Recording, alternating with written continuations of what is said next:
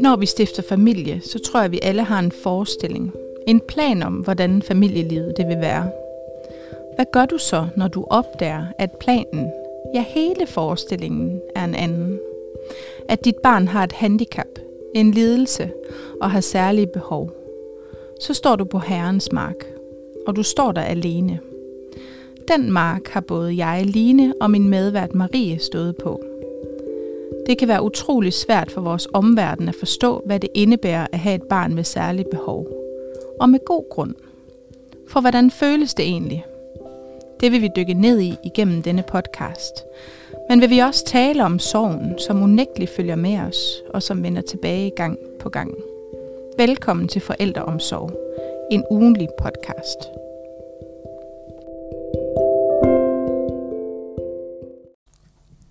Hej Marie. Hej Line. Og hej med jer derude. Så er vi jo øh, tilbage igen til afsnit 2. Og vi, øh, vi er jo bare så taknemmelige over, at vi kan se, at der er så mange af jer, der har været inde og lytte. Ja, vi har jo fået en del beskeder i vores sovegruppe også.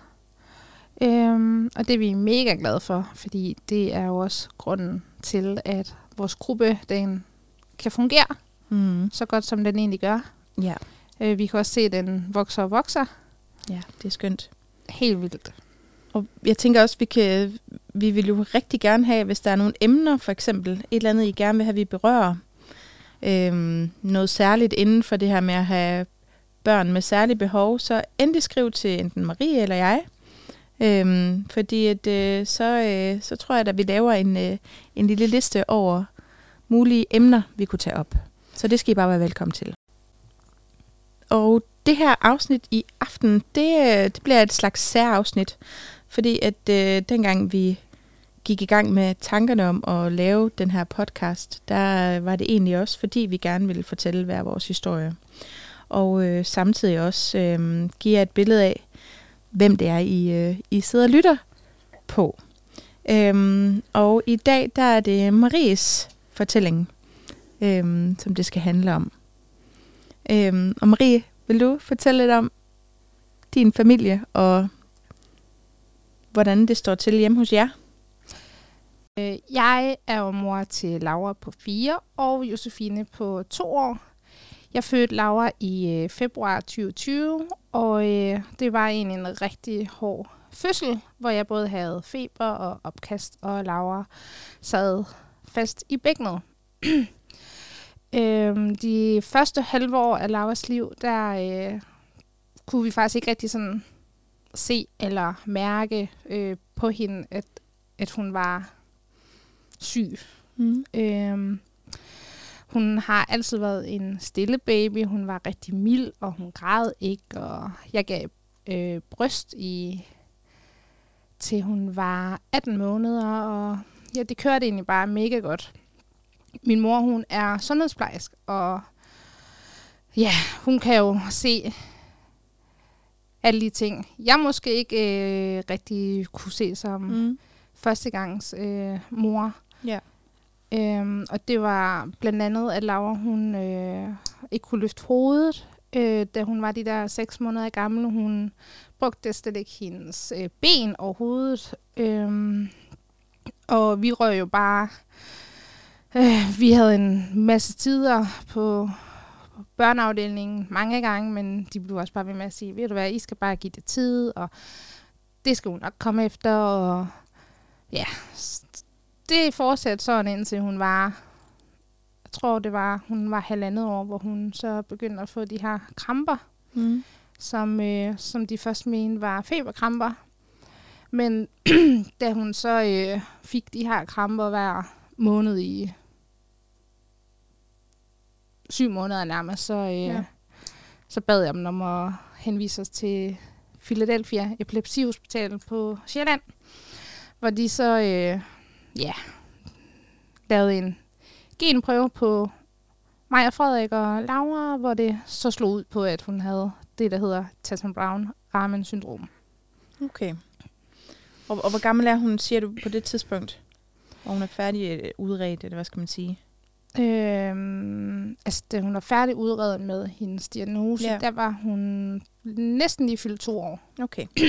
Så altså, vi har jo været heldige på det punkt med, at, at vi jo allerede har haft en diagnose på hende Mm. øh, ret tidligt Ja. i forløbet. Øhm, det, det har jeg godt set, at der er jo rigtig mange, der sådan kæmper med. Ja. Øhm, Ja, og den der uvidshed, som er i, hvad fejler mit barn? ja, lige Ikke? præcis. Ja. Øh, altså, men, men igen, man er også bare nødt til at stå fast på ens egen mavefornemmelse. Mm. Altså virkelig. Og som førstegangs forældre, så, øh, så er den måske ikke så god igen. Og selvom man kan sige, at Laura hun fik en hurtig diagnose, så to år er jo alligevel også lang tid, Marie, hvor man går i uvidshed. Øhm, og hvad tænker du selv? Altså, hvordan var den periode for dig? Eller for jer som familie? Der har man nok følt sig alene, fordi når man har været i mødergrupper, hvor deres børn, de sådan udviklede sig, Ja. og det er en blanding af, at ens barn, nok fejler noget, og Mm. en blanding af, at man er førstegangsmor. Altså når man førstegangsmor, så har man jo sindssygt mange følelser og tanker og bekymringer omkring alt. Ja. Øhm, og når jeg tænker tilbage på det, så tror jeg, jeg har lukket så meget ned for de to år af Lauras liv, at jeg faktisk nærmest ikke sådan, hvad hedder det? Jeg kan, kan huske det, eller Ja. ja. Ja, lige præcis. at det sådan har været turbulent. Ja. Ja. Og det er jo også derfor, at, det, øh, at jeg er taknemmelig for i dag, at, øh, at vi har Josefine, fordi Mm. så har jeg både den normale verden, hvis man kan Ja. ja. sige det så, og ja. Lauras verden. Ja. Fordi hvis jeg kun har haft Lauras verden, så tror jeg virkelig, at jeg ville have været øh, rigtig hårdt ramt. Ja. Øh, fordi nu får jeg jo den her pause fra det, når jeg bruger tid med Josefine. ja. Altså, hvis man kan sige, ja. Og kan man ikke også godt sige lidt, Marie, det her med, at, at det er jo også sorgfuldt, det der med, at ens første barn, at man ikke fik lov til at opleve det, som alle de andre oplever. Altså, på en eller anden måde er det jo også en eller anden form for sorg over noget, man havde håbet på, eller troet, at det var sådan, det skulle være. Øhm, og så blev det så meget mere turbulent. Jo, men, men jeg tror, altså, jeg tror heller ikke, at jeg havde så meget at sammenligne med, Nej, som det er nu. rigtigt. Fordi nu er Laura jo også blevet ældre. Ja. Og igen, vi har jo også Josefine. Det er Ja. jo så tydeligt nu, og det var måske ikke så tydeligt igen, dengang Laura faktisk var mindre. Nej. Øh, selvom at jeg jo godt kunne se, at, øh, at dem i min mødergruppe børn, de,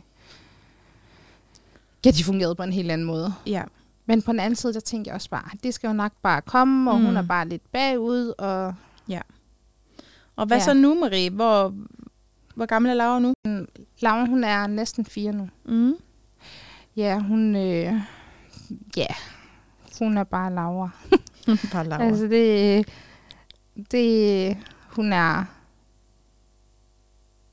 det er så sjovt med hende, fordi, altså, selvom at det jo er mega følsomt, ikke? Mm.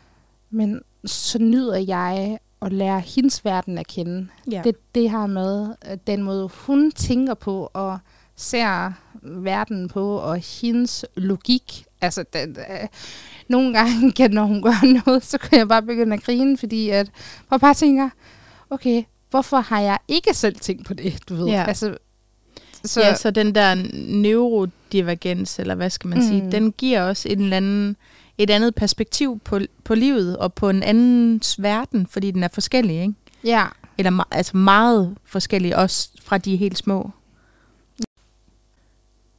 Men Marie, den genfejl, som Laura hun har, hvad, hvad går det egentlig ud på? Kan du, kan du fortælle lidt mere? Ja, øh, det er jo faktisk en overvækstsyndrom. De her børn, de er enten højere end gennemsnit, eller har store hoveder, eller øh, en øh, stor øh, kropsvægt. Mm. Øh, og Laura er jo også højere, højere end gennemsnittet. Hun ja. har lange arme og lange ben, og hun er så tynd, og hun er jo næsten fire, men størrelsesmæssigt der er hun som en femårig. Ja. Øhm, og så, ja, så har mange af dem jo epilepsi og autisme, Ja. som Laura er jo også ramt af. Ja. Øhm, hun er jo hypermobil og lav muskeltonus, og man ser jo for eksempel altså meget sådan noget som hypermobilitet og lav muskeltonus og autisme Ja. ved mange andre slags syndromer. Mm. Øhm, ja, så har hun jo også søvnforstyrrelse. Det tror Ja. jeg har rigtig mange kan øh, genkende. Ja. Hvis du sådan kigger på jer som familie, og som dig som mor til Laura, men også til Josefine, hvad tænker du så sådan er det, dine største bekymringer, eller hvor, hvad er det, der føles sorgfuldt? Jeg tror, det er... Altså, jeg kan også se, at Laura, hun udvikler sig rigtig meget, specielt på det sociale.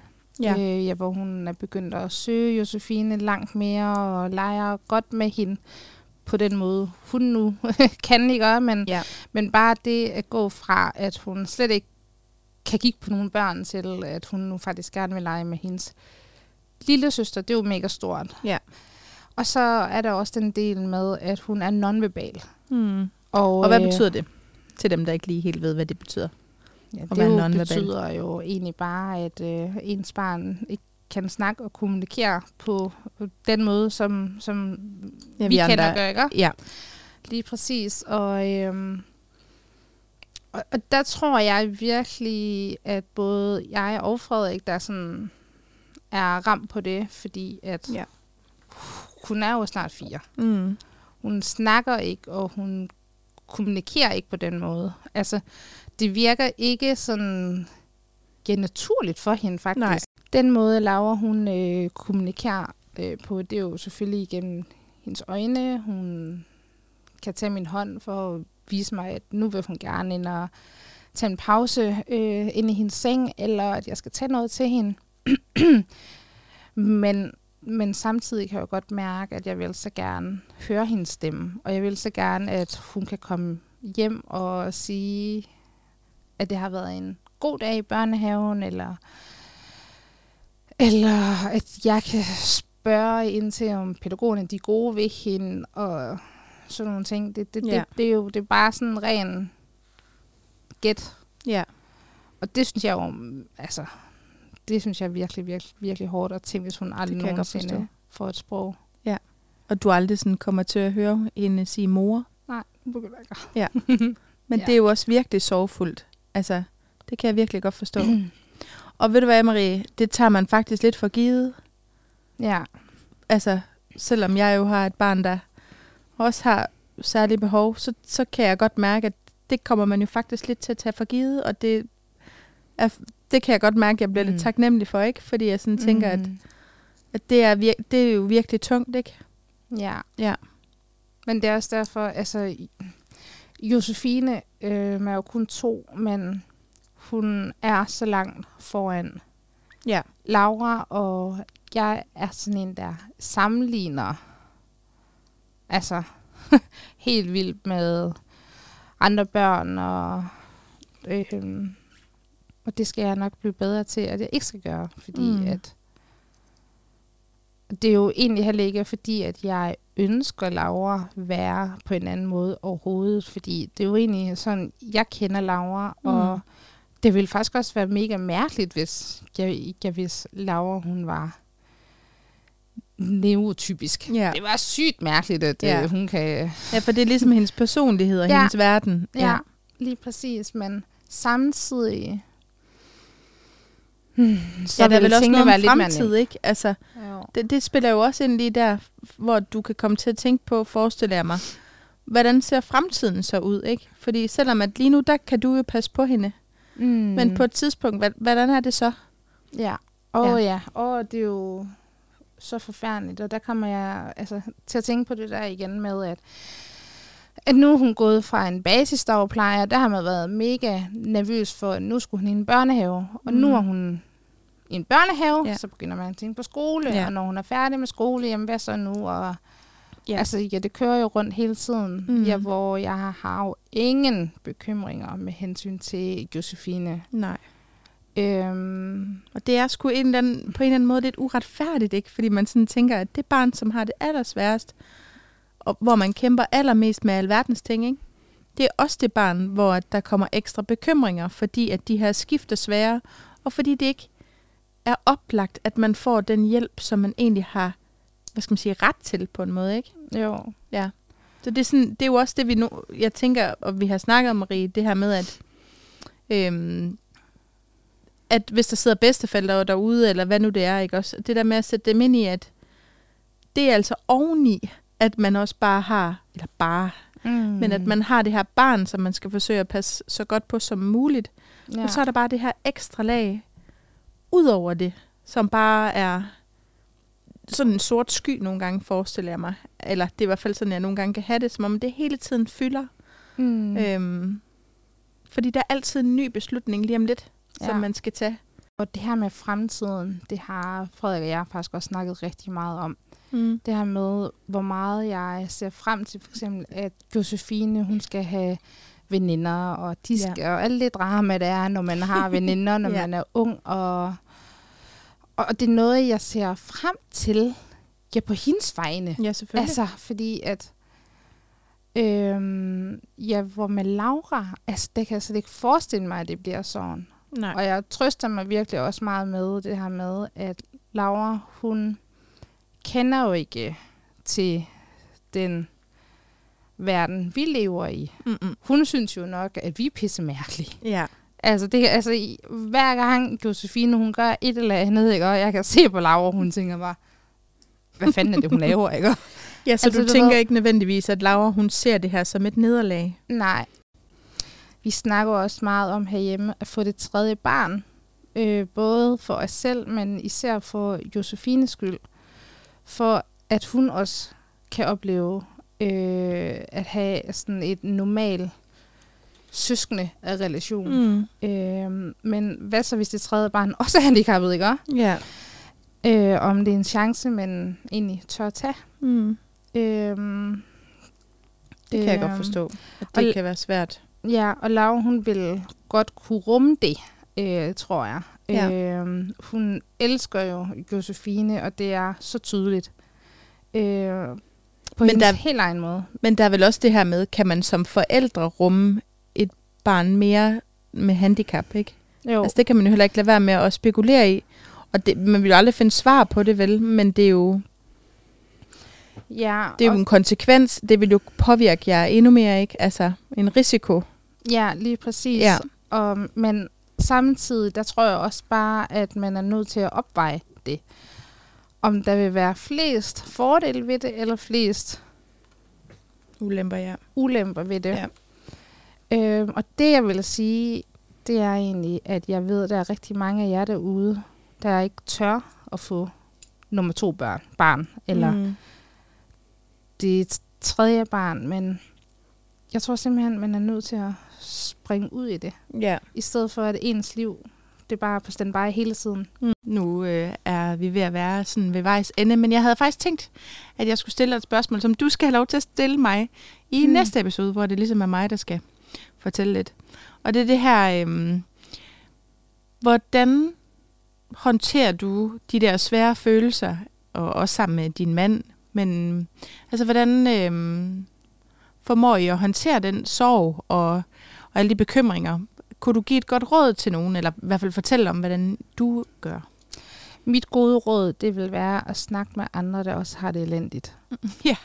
Det, ja. det hjælper ikke mig at snakke med veninder, mm. øh, hvor deres liv det bare kører, og de har helt normal hverdag og normale børn. Det, nej, Nej. Det er forfærdeligt. Snak med nogen, der virkelig har det elendigt. Ja. Øh, og det er jo faktisk også derfor, jeg er lykkelig for vores sovegruppe. Ja. Altså, at det er ret relevant det her med, at hvis nu, at der sidder nogen derude, der ikke øh, har nogen i deres omgangskreds, som kan ikke genkende til de følelser, at så er vores sorggruppe der et godt sted, at man kan gå ind og, øhm, og ja, man kan lave anonyme opslag, hvis det er, man synes, det bliver for sårbart med navn. Øhm, Og, og man der- er også velkommen til at kontakte hinanden privat jo. ja, Altså øh, mødes Ja. ja. privat også, hvis man bor i den samme by. ja, lige Eller, præcis. altså bare det der med, at man snakker med andre, der også har det elendigt. Lige præcis. vi har det også godt, vi har det ikke kun elendigt. Nej, Men det er rigtigt. Det kan være slidsomt. Ja. Men Marie, tusind tak, fordi du havde lyst til at fortælle Ja. om din lille dejlige familie. ja. Næste gang er det din tur, mm. Line. Det glæder vi os til. Nå, det glæder jeg mig til. ja. Og så vil vi egentlig bare lige sige øh, tak, fordi I lyttede med. Vi ses.